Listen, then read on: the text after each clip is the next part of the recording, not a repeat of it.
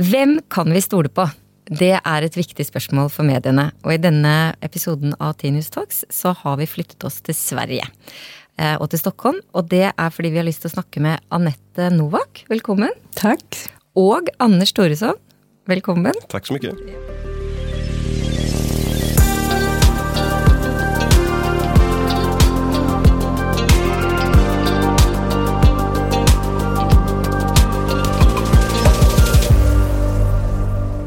Vi har dere her fordi vi må snakke om kilder. Eh, Og Anette, du er leder av Statens medieråd. Dere jobber for å beskytte barn og unge fra skadelig mediepåvirkning, og gjør dem til bevisste mediebrukere. Men like mye grunn til å ha det her er at du har jobbet og ledet da den svenske medieutredningen. Du har vært journalist og redaktør i mange år. Stämmer bra. Ja, og dessuten, må vi understreke, har du også vært en periode styremedlem i Stiftelsen Tidnews. Og Anders, du er foreleser, forfatter og frilansjournalist. Og jobber i grenselandet mellom teknikk og IT, og er opptatt av hvordan digitalisering påvirker samfunnet. Så jeg tenker dette er et godt utgangspunkt for å snakke om kvalitet på informasjon, eller det man ofte kaller kildekritikk i fagterminologi. Og det innebærer jo at man på sett og vis skal være veldig kritisk til det kilden sier. Men da vi eh, snakka med deg, Anette, om, om hva vi hadde lyst til å diskutere, så foreslo du et helt annet ord. Ja, jag lyfte faktiskt att källkritik börjar bli lite av ett problem och att vi istället fokuserar på källtillit. Därför att eh, det pågår ju i viss mån ett informationskrig idag. Och i det här kriget så har ju källkritik, eller kritik mot allt och alla, börjat användas som vapen. För att förvirra, för att man inte ska lita på någon. Eh, Och då är det mera eh, intressant, tycker jag, och många av de som jobbar med media och informationskunnighet, att fokusera istället på vad är trovärdigt, vad, vem kan man lita på? Ja, er du enig i det, Anders? Burde vi begrave kildekritikk? Nej, det, det, det, det tycker jag inte. Och, och jag håller med om det som Anette säger, men, men jag tänker på ytterligare ett perspektiv där saker och ting förändras. Och det är att när jag pluggade på Journalisthögskolan i Göteborg i, i- slutet på 90-talet och början på 2000, då, då, precis som du säger, så då, källkritik var ett begrepp inom journalistutbildningen. Men, men då var det ju den, den traditionella källkritiken i väldigt stor utsträckning. I, idag upplever jag att källkritiken har blivit mycket mer utav ett ett vardagsverktyg eh, som, som man behöver i många fler situationer. Jag, jag tittar på de barn och tonåringar som jag har runt mig i min vardag hemma till exempel. Hur de behöver vara källkritiska mot vad deras vänner skriver på sociala medier om andra klasskamrater till exempel. Och, och att informationsflödet är så mycket mer komplext. Och det gör också att vi behöver vara källkritiska på betydligt fler ställen idag än vad vi behövde kanske vara för 10 eller 15 år sedan. Men där kommer ju också det här med käll tillit in. Vem utav mina vänner sprider rykten ofta och vem gör det inte till exempel. Så att det, det, det är en, en bred medieverklighet som, som kräver nya förhållningssätt. Så för att bygga en bro mellan dere, så ja, vi kan godt och bör hålla fast vid kildekritik som ord, men vi eh, bör också snakke om kildetillit. Och siden vi har snakka masse om kildekritik i gamla dagar så snakker vi lite om kildetillit nu, tror jag. Men Anette, hva, hva, hvilke fordeler er det ved å fokusere på kildetillit? Ja, det, det handlar ju som sagt om att inte gå i den här fällan då, där man blir osäker på om det finns någon man kan lita på. Och eh, lite det Anders säger är ju att, att det är ett område som, som är väldigt expansivt och som blir mer och mer komplext. Jag, tror, jag, jag har ju också gått journalisthögskolan, dock, dock något tidigare, dock i Stockholm. Men, eh, och det var ju en av de största, vad ska man säga, det har ju varit ett av eh, journalisters verk, arbetsverktyg i alla år. Men det som förr var, när vi hade informationsvetenskapen och databaserna låg liksom i kanske en myndighet eller i en, på ett bibliotek. Eh, det, är ju mycket mer komplext idag att ta reda på vad, menar vi egentligen med källkritik. Eh, för en källa, att bara kritisera den källan. Idag är det ju, det kan handla om, jag försöker ibland dela upp det i avsändare och innehållsanalys för att bara göra någon slags ny fördelning av, det finns något kritiskt att ha kring vem, kontot till exempel, som sänder det här, eller, eller, eller organisationen, för det handlar ju också om rent analoga företeelser. Ehm, eller, och sen det andra är ju tonaliteten, innehållet, nyansen eller bristen på nyanser och så vidare som gäller innehållet. Så att man skulle behöva bena, tror jag, lite grann och göra det här begreppet lite, mera, lite mer komplext för att det ska bli träff- träffsäkrare, för att folk ska förstå vad vi pratar om. Men det er jo veldig vanskelig Anders, å vite hvem man kan stole på. Hvilke kilder stoler du på? Ja, jag, jag tror att, att om, om, du vill ha konkreta exempel på, på källor som jag litar på, så, så litar jag på om, i, i, traditionell media, jag litar på vad The Guardian skriver, jag litar på vad New York Times skriver i, i stor utsträckning. Eh, jag litar på ett antal personer som jag följer på Twitter eller i sociala medier som över tid har bevisat sig som enskilda individer ha koll på ett ämne och, och bevaka och rapportera om det på ett, på ett sätt som är relevant för mig. I mitt jobb som teknikjournalist så är det väldigt mycket så jag i min omvärldsbevakning jobbar. Att jag hittar personer som, som kan ett specifikt område och som använder de här möjligheterna som jag pratat om i sociala medier under lång tid, att, att publicera sig själv. De behöver inte vara journalister utan de kan jobba på ett företag någonstans, ett av de här företagen som jag är intresserad av att skriva om, Facebook eller Apple. Eller någonting och, och, och skriver om vad som händer eh, i sin värld. Det, det är ett annat exempel. Ett tredje exempel är att hitta, jag läser ett nyhetsbrev som heter Stratechery väldigt mycket. Och, och, där har Ben Thomsson som skriver det och gör en podcast som heter Exponent, de har också över tid bevisat att men de har koll på det här området.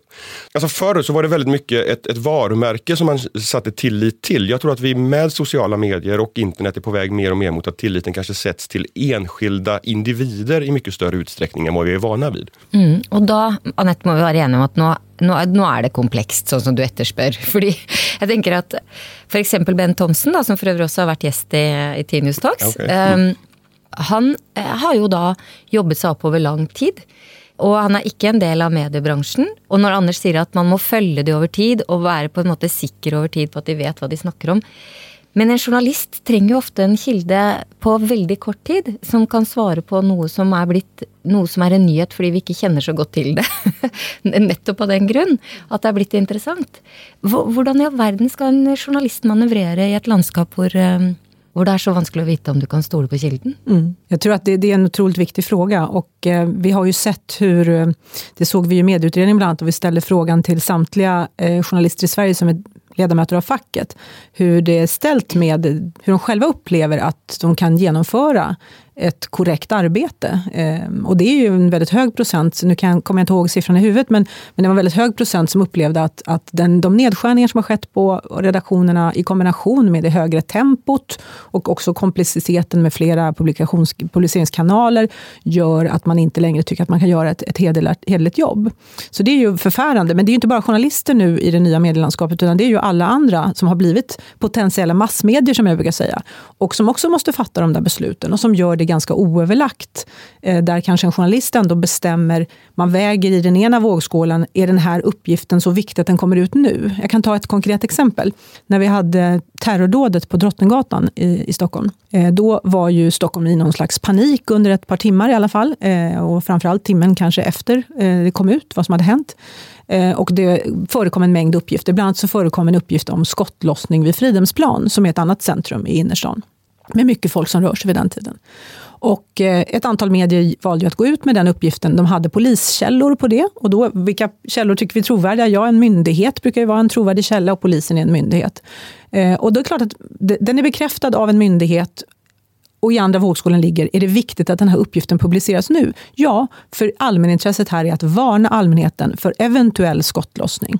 Eh, och det här är, eh, är ju någonting som de medierna som gick ut med den uppgiften, som sedermera visade sig vara inte bekräftad, Eh, har fått kritik för. Men jag, för, jag försvarar dem, därför att när man är ansvarig utgivare och befinner sig i den situationen att man måste välja, då har man ju andra vågskålen, om jag inte publicerar, så in, inte människor lämnar Fridhemsplan och, och det blir en massiv skottlossning med automatvapen, så vi har 20, 30, 40, 50 döda, då är det delvis mitt samvete, delvis mitt ansvar. Så att ibland kan det vara så att man måste väga att en delvis obekräftad uppgift eh, bör föras ut. Det hänger helt och hållet på situation. Anders, är du enig i det? Att eh, noen ganger så må det bara bli fel, men det är bättre likevel? Ja, det är jag nog. Jag var inte riktigt förberedd på den. På den. Men eh, jo, men absolut. Min, min uppfattning är att journalister, åtminstone i Sverige, inte alltid är jätteduktiga på att använda och förstå ny teknik. Jag, jag föreläser en del om digitalt källskydd eh, och, och, där har vi i Svenska Journalistförbundet precis gjort en enkätundersökning som visar att kunskapen om hur man ska skydda sina källor är ganska låg. Och jag tänker att, jag vet inte eh, hur, hur överförbart det är, men här finns ju möjligheter att använda olika typer av verktyg. Det här som kallas för reverse image search till exempel, för att söka inte med ett ord utan med en bild. Och just den här typen av nyhets aktuella nyhetshändelser som Anette pratar om. Att, att då veta hur man gör den typen av källkritik. Att, att hit, söka med en bild och få svar på, har den här bilden publicerats tidigare? Den kanske är från ett helt annat sammanhang, fyra, fem, sex, tio år tillbaka i tiden. Att när det blir så här komplext så måste vi också hitta nya typer av verktyg att förhålla oss till den här ver verkligheten. Både i form utav utav saker och ting som vi kan använda med våra händer men också förstå mänsklig bias och, och det här att vi kan inte helt helt lämna över ansvaret till, till de teknikbolagen som det många gånger pratas om heller, att lösa de här källkritiska utmaningarna. Ja, men la, la oss vara lite vid det, eh, hur man kan verifiera innehåll egentligen då, som, som ju också är en kilde. Kilde är inte bara människor eller konkreta avsändare. Eh, vilka, vilka viktigaste tecken eh, ska man se efter? Hvis man skal eh, nettopp forsøke å stole på at denne saken er verdt å sende videre, eller dette bildet kan jeg trygt sende videre jag kan säga någonting bara, jag tycker att det handlar också om lateralt arbete. Källkritik ibland har ju en tendens att bli att man går rakt ner i, är den här källan trovärdig? Medan eh, det som har varit alltid journalisternas arbetsverktyg är ju det här laterala sättet att se på ett, en uppgift till exempel och kontrollera den mot flera inbördes oberoende källor till exempel. Så det är ett lateralt arbete. Eh, och det, I det ingår ju naturligtvis att använda sig av digitalt stöd idag och det håller jag helt med Anders att det är alldeles för svagt på den fronten. Men jag tycker också att det handlar om ibland fastnar vi i det här med källkritik, att det handlar om en, en källa, en uppgift momentant. Där jag tror att vi måste bli också, när jag säger att vi behöver komplex, göra det här mer komplext, det handlar också om att se till över tid. Vad, står vi fria? Är vi oberoende? Och där kan vi också bygga in mycket mera eh, analysverktyg än vad vi gör i redaktionernas arbete, så att redaktörerna får ett beslutsunderlag som är mycket starkare än det man har idag när man måste fatta beslut. På din fråga om, om hur man gör, så det, det beror ju lite grann på hur, hur träffar man på den här uppgiften? Är det på Twitter till exempel som det sprids en uppgift, ja, men titta på när, när skapades Twitterkontot? Hur många följare har det? Hur aktivt är det? Vad har det twittrat om tidigare? Är det en, en, hamnar du på en webbsida, kolla domännamnet, när är det registrerat, utav vem och så vidare. Så det finns ändå en del ja, sådana basala liksom bakgrundskollar man kan göra. Eh, som man behöver känna till och, och, och, göra. Sen tänker jag också att, att det här som Anette är inne på, att, att Alltså vi har ju ett problem här med en nyhetscykel som går allt snabbare och att, att det här att våga vara kall och vänta och hitta en andra och en tredje källa innan man publicerar. För att Alltså, och, och, och, när man gör det också kanske visa upp den redaktionella processen för att, för att visa vad vi som journalister, vi som mediehus står för kontra någonting annat. Det är en sån käpphäst jag själv är upptagen av, är att väldigt sällan berättar journalisterna varför jag valde denna kilden. Eh, och og hva denne kilden har f.eks. gjort før eller sagt før, og derfor stoler vi på vedkommende. Så kildearbeidet eh, menar mener jeg ofte tilhører en slags hemmelig tjeneste i redaksjonene. Og innimellom så, så er det jo, tenker man, en del kilder som brukes fordi de har blitt brukt mange ganger før. Eh, men är det nok? Ja, men nu är du inne på det konkret som jag menade med, eh, om man till exempel hade ett analysunderlag som bestod av hur ofta vissa enskilda källor används, så kanske man skulle ändra sitt sätt att arbeta, och till det bättre. Så jag tror att en, en, en större så att säga, dataanalytiskt stöd skulle bli uppfordrande för många redaktörer. De skulle blottlägga svagheter i det arbete man gör internt. Sen är det ju mycket av arbetet som är väldigt, väldigt bra på våra redaktioner, det får man säga. Om man jämför i, i, i världen så, så är ju Norden långt framme, tycker jag, i, i stabil metodik. Och jag tycker vi ser en tendens att många av redaktörskollegorna blir mer och mer eh, fokuserade på att berätta om metanivån i arbetet för att just skapa eh, förståelse för, lära ut, men också för att stärka sin egen trovärdighet i. Det här är ingenting vi bara har plockat ur rockärmen, utan vi har en långsiktigt hållbar metodik för hur vi arbetar och säkerställer kvalitet. Och vilka verktyg bör man då ha, kunna, Anders, när du säger att det är liksom för dålig kunskap bland journalisterna? Ja, men jag, jag tänker att någonstans handlar det om en förståelse för vad, vad, vad internet är och, och vad, vad, ett socialt medie är. Att, hur, hur går det till att, att skapa konton? Och, så, och allt det här vet ju de flesta journalister för de har ju gjort det själva. Men att man behöver sen liksom, ta den egna upplevelsen utav det här vidare och fundera kring ja, men hur skulle hur skulle det här kunna utnyttjas för, utav falska konton, utav botkonton och, och så vidare. Och sen ja, tråla vidare i det där. Men, men, men konkreta verktyg, det, det, det, det, har jag inga bra svar på. Utan det är nog att, att, att ja, men gå på de här sakerna som jag, som jag pratar om. Att titta på, försöka belägga vem är källan på något sätt. Och då måste du förklara vedkommande, eller förklara valget. Det finns ju konkreta exempel på, på temat som jag tänker på. Det är ju det vi ser bland annat det här med Facebookgrupper som till exempel plötsligt byter namn. Och det är fullt möjligt att, att göra det. det. Och det är inte så konstigt. Eh, Facebook behöver säkerställa att människor kan, om man har skrivit fel, till exempel man döper en grupp, att man kan byta namnet. Så att funktionaliteten förstår vi varför den finns där. Men den används ju av människor för att till exempel byta. Vi har sett ett sånt exempel här i Sverige där en grupp som hade ett ganska populistiskt tilltal med, de samlades kring någon form av eh, upprörd kritik mot traditionella medier, plötsligt nu här bara för några veckor sedan bytte namn till EU-valet. Med en väldigt eh, fin bild på EU-flaggor och ser ut som ett, eh, ett officiellt ett konto från kanske EU-parlamentet eller någonting sånt. Och det sker tajmat precis inför EU-valet. Sådana här saker behöver vi bli bättre på. Att, eh, jag tror inte att så många människor i den gruppen har noterat detta. Och plötsligt får de in i sina flöden då nu någon typ av propaganda som har med EU-valet att göra och är fullständigt oskyddade mot detta. Mm. Kahneman, som jo skrev denne boken 'Tenke fort og langsomt' eller 'Thinking fast and slow', han sier jo at eh, når det kommer til kildekritikk, da, eller hvem kildetillit, så, så er det bare én ting man kan gjøre, og det er å se hva det vedkommende har gjort før.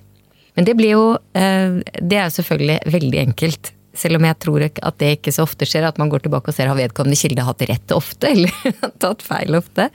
Men, men, da er man også der at man som kilde må kunne bygge seg opp over lang tid, Anders. Og det, er jo, det er jo Da kan man jo gå glipp av mange gode, nye kilder, hvis ikke kilden eh, har en historikk.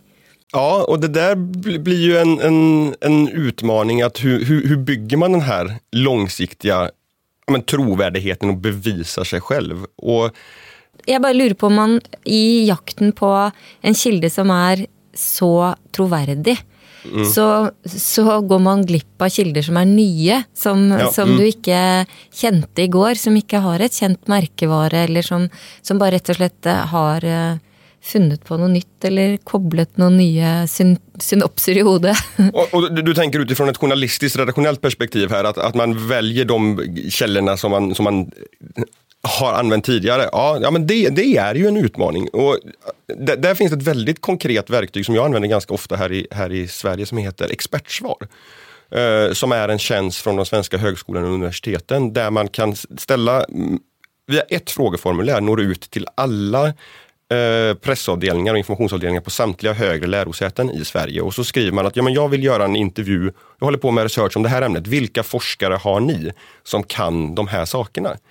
Och det blir ett sätt, den använder jag jätteofta, för det blir ett sätt för mig att hitta nya källor och inte gå till de här som forskar eller kan ett angränsande område och som gärna uttalar sig om det här också, utan hitta en doktorand som faktiskt har ägnat fyra år att titta på precis det här och inte en professor som rör sig lite grann vid sidan om, men som blir kanske den lätta källan att gå till därför att det här är ett stort etablerat namn. Utan med hjälp av den här enkla tjänsten så blir det möjligt för mig att hitta nya betydligt mer relevanta källor. Eh, så det är, det är ju ett väldigt avgränsat men trots allt ett konkret exempel på hur det kan se ut. Och så länge någon svarar så må det ju vara helt perfekt. Mm. Men kopplat till Kahneman, jag tycker det är ett jätteintressant ämne, det är ju, det är ju hela det här fältet med våra kognitiva svagheter. Och, och de utnyttjas, ska jag säga, av krafter idag. I, eh, jag har väl alltid gjort det i och för sig när det gäller marknadsföring och sådana saker, men vi ser ju hur det nu blir vapen i det här informationskriget som pågår. Och, eh, en, en sån är just att vi, vi, seeing is believing, alltså det här med och anchoring, att vi, det man först hör. Eller, det finns ju en mängd olika delmängder av det här med kognitiva svagheter. Men vi ser till exempel om vi tar Notre Dame-branden, för att ta ett exempel här nu. Eh, där var det ju, då litar vi på oss själva, våra visuella intryck.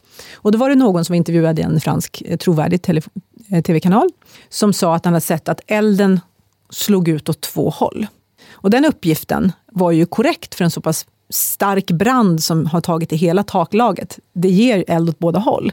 Men uppgiften cirkulerade, vände och vred på sig lite grann i trådarna och blev plötsligt, det finns två eldhärdar. Vilket då fick eh, trollsvansarna att gå igång på att det måste vara anlagt och så vidare. och Så vidare.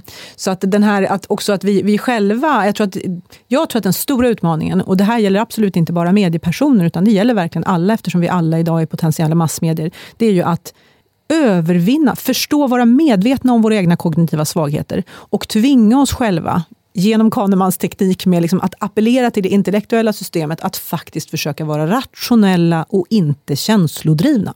Men så är det ett tema till också, jag, som, som tillhör detta spörsmål om vad kan vi stole på eller vem kan vi stole på? Och det är ju om vi har en lite för stark tro på att det finns något som är 100% sant. För ofta är ju sannheten, den förändrar sig lite och inte minst är den avhängig av vilket perspektiv man har på ting. Är vi lite eh, naiva när vi tror att sannheten är där ute? Det gäller bara att finna den, Anders.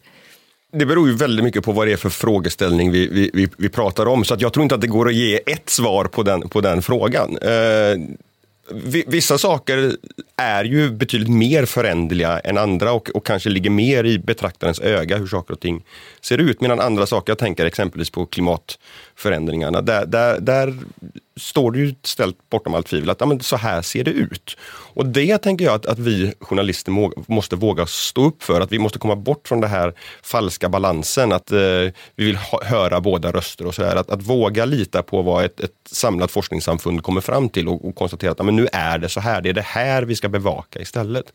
Och det tänker jag är en annan, för nu, nu, nu pratar vi hittills om källkritik som vi journalister bedriver i, i, i, vårt redaktionella arbete. Men anledningen till att vi gör det, det är ju för att vi, vi i vår tur ska kunna producera ett, ett trovärdigt material till vår publik. Och där handlar det ju bland annat om hur vi sen faktiskt publicerar och presenterar det här materialet. Och där finns det ju eh, en, en studie som gjordes här i Sverige som presenteras för ett tag sedan, eh, som, som bland annat visar att att mediekonsumenterna har idag svårt att skilja redaktionellt innehåll från annonsinnehåll på en webbplats. Och det blir ett problem i sig också. Så det, då hjälper det ju inte kanske om, om vi journalister i det redaktionella fotarbetet är duktiga på att vara källkritiska när det slutgiltiga resultatet ändå blandas ihop med köpt marknadsföring. Vi måste tänka hela kedjan här, att inte stanna vid att hur, hur vi journalister ska vara källkritiska, utan också hur vi hjälper publiken, allmänheten, att vara källkritiska. Att särskilja ett redaktionellt arbete från någonting annat. Men det är ju väldigt vanskelig, Anette. Men en del ting som journalister har att göra är ju inte sånn hvorvidt det regnet i går eller ej, som är en ganska etterprøvbar eh, faktisk påstand. Men, men ta for exempel noe som, som både dere i Sverige och vi i Norge har varit upptagna av, och det är eh, eh, metoo. Eh, og der kan man ju se hur uppfattelsen av en sak nettopp endrer seg. Først så var det väldigt på Eh, eh, de, deres premisser som mente seg utsatt for eh, seksuell trakassering. Og så begynner man å balansere det opp med litt svar og litt mer lydhør for andre ting. Men man var ikke det i begynnelsen. Og så, og så fins kanskje virkeligheten, eller hva vet jeg om det er virkelighet eller sannhet, men i hvert fall det meningsfulle fins et sted midt imellom. Og det er jo veldig vanskelig da å manøvrere mellom kilder man kan stole på akkurat her og nå, och så kanske efterpå så ser man att man stolte kanske lite för mycket.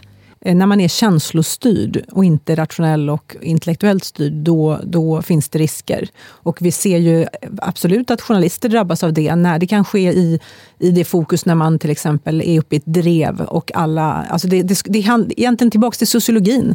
Eh, det handlar om eh, vad som är i den momentana dominerande kod. Och i ett drev är plötsligt den dominerande koden att man är väldigt kritisk på ett sätt som kanske inte alltid har vad ska jag säga, botten i, i, i sakfrågan. Och det, metoo blev ju åt det hållet. Eh, väldigt viktigt ämne, kändes som en befrielse för många säkert att få berätta. Men det handlar om personliga upplevelser, där olika upplevelser av verkligheten kan stå mot varandra. Eh, och där vi skulle, tror jag, från mediebranschens sida har mått bra av att vara, någon sa, oh, vi måste gå tillbaka till yrkesetiken här och, och, se hur vi förhåller oss. Men det finns ju andra exempel på när det händer. Det kan hända eh, när det gäller till exempel religion, är någonting jag skrivit om en hel del, eh, eftersom vi ser på religion i ett upplyst samhälle som någonting märkligt. Så att när vi närmar oss religionsämnet kan vi också bli så att vi lite grann släpper på yrkesetiken och tycker att det är lite mer motiverat att eh, inte förhålla sig till de yrkesetiska reglerna på samma sätt. Så att, eh, ja, jag vill verkligen slå ett slag för eh, rationellt och intellektuellt tänkande som motar det här känslodrivna. Och, det tycker jag är ett resonemang som man hör allt oftare i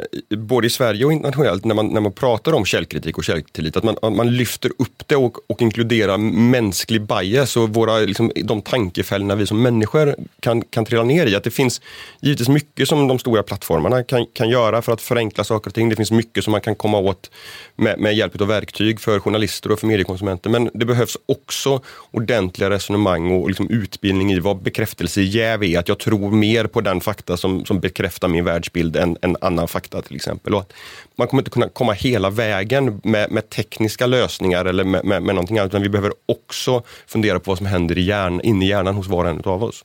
Men dette er jo veldig vanskelig, fordi at vi vil jo ikke heller eh, Jeg vet ikke om det er et mål å komme til det følelsesløse, uengasjerte samfunnet heller. Altså, og det å balansere nettopp Sånn som ta metoo igjen, da, som jo kom som en voldsom kraft nettopp fordi det var en følelse som man ikke hadde tatt på alvor.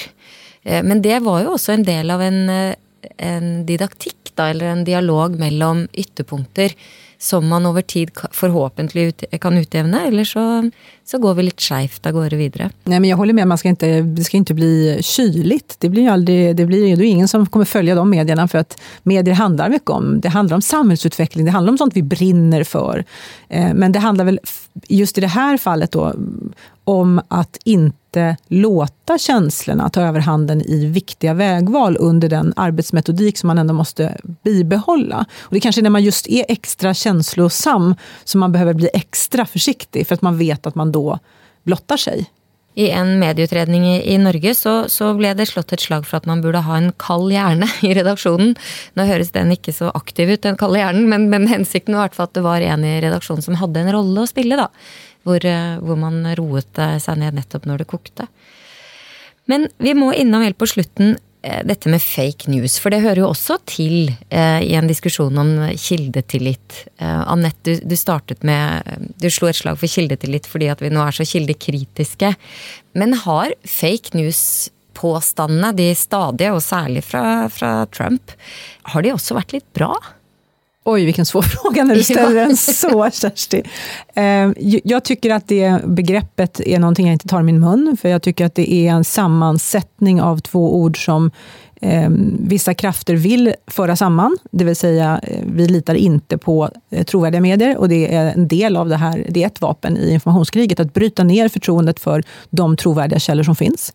Eh, och därför tycker jag inte man ska hjälpa dem med det. Jag vill inte vara, så jag brukar säga, när jag gick på Journalisthögskolan så hade vi Lars Furhoff som den eh, store rektorn som skrev mycket av den viktiga kurslitteraturen. Han hade en bok som hette Maktens megafoner, som handlade om att man inte skulle gå till en presskonferens och bara skriva vad de sa, utan man skulle vara kritisk. Och jag tycker tyvärr att sånt här gör att vi ibland blir trollens megafoner. Eh, på samma sätt. Vi för vidare det de paketerar för oss när vi pratar om det hela tiden. Så att, eh, jag, vill, jag vill inte att news, som för mig står för traditionella, eh, vederhäftiga, balanserade, pluralistiska nyheter, ska eh, beblandas med propagandan och det, de falska eh, uppgifter som no, vissa strör ut i medielandskapet. Fordi nettopp dette uttrykket da er forbundet med eh, en agenda. Hvis det, oppfatter det, menar det riktigt. det menar jag. Jag kan vara ibland mer bekymrad för de här möjligheterna att, att producera den här typen av innehåll. Att dels blir de bättre och bättre. Jag antar att många av er som lyssnar har sett de här Barack Obama-filmen som Buzzfeed eh, eh, producerade ihop med Jordan Peele till exempel.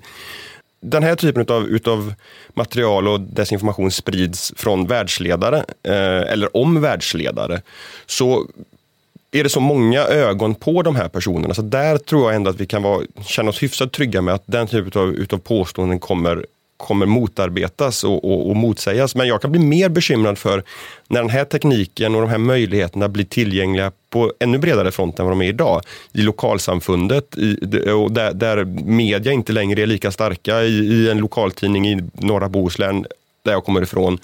Om lokalpolitiker där påstås göra saker eller påstår saker där det inte finns en stark redaktionell bevakning. V vad kommer hända då? Att det kanske liksom i, i på en lägre nivå som de här utmaningarna på sikt kommer visa sig större än på, på global toppolitisk nivå. Ja, där man inte har eh, medier. Mm. Mm. Sen kan man också bli bekymrad över hur Eh, det faktum att vi, det sker många övertramp och hur det ser ut idag gör att politiken eh, börjar prata regleringar på områden där vi vet sedan lång tid att friheten har tjänat samhällsutvecklingen väldigt väl.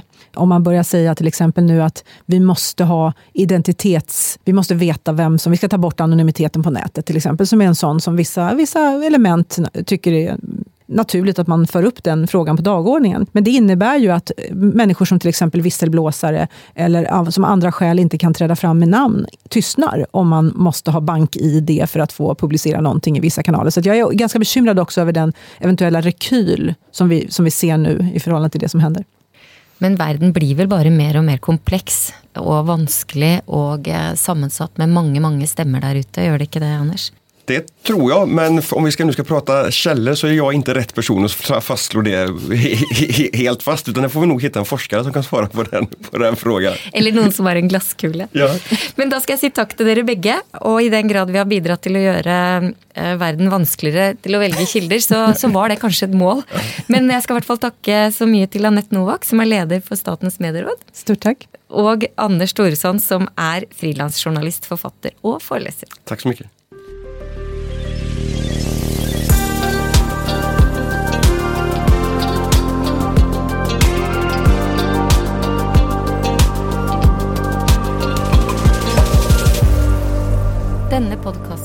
Er produsert av Hansine Korslien for Stiftelsen Tinius.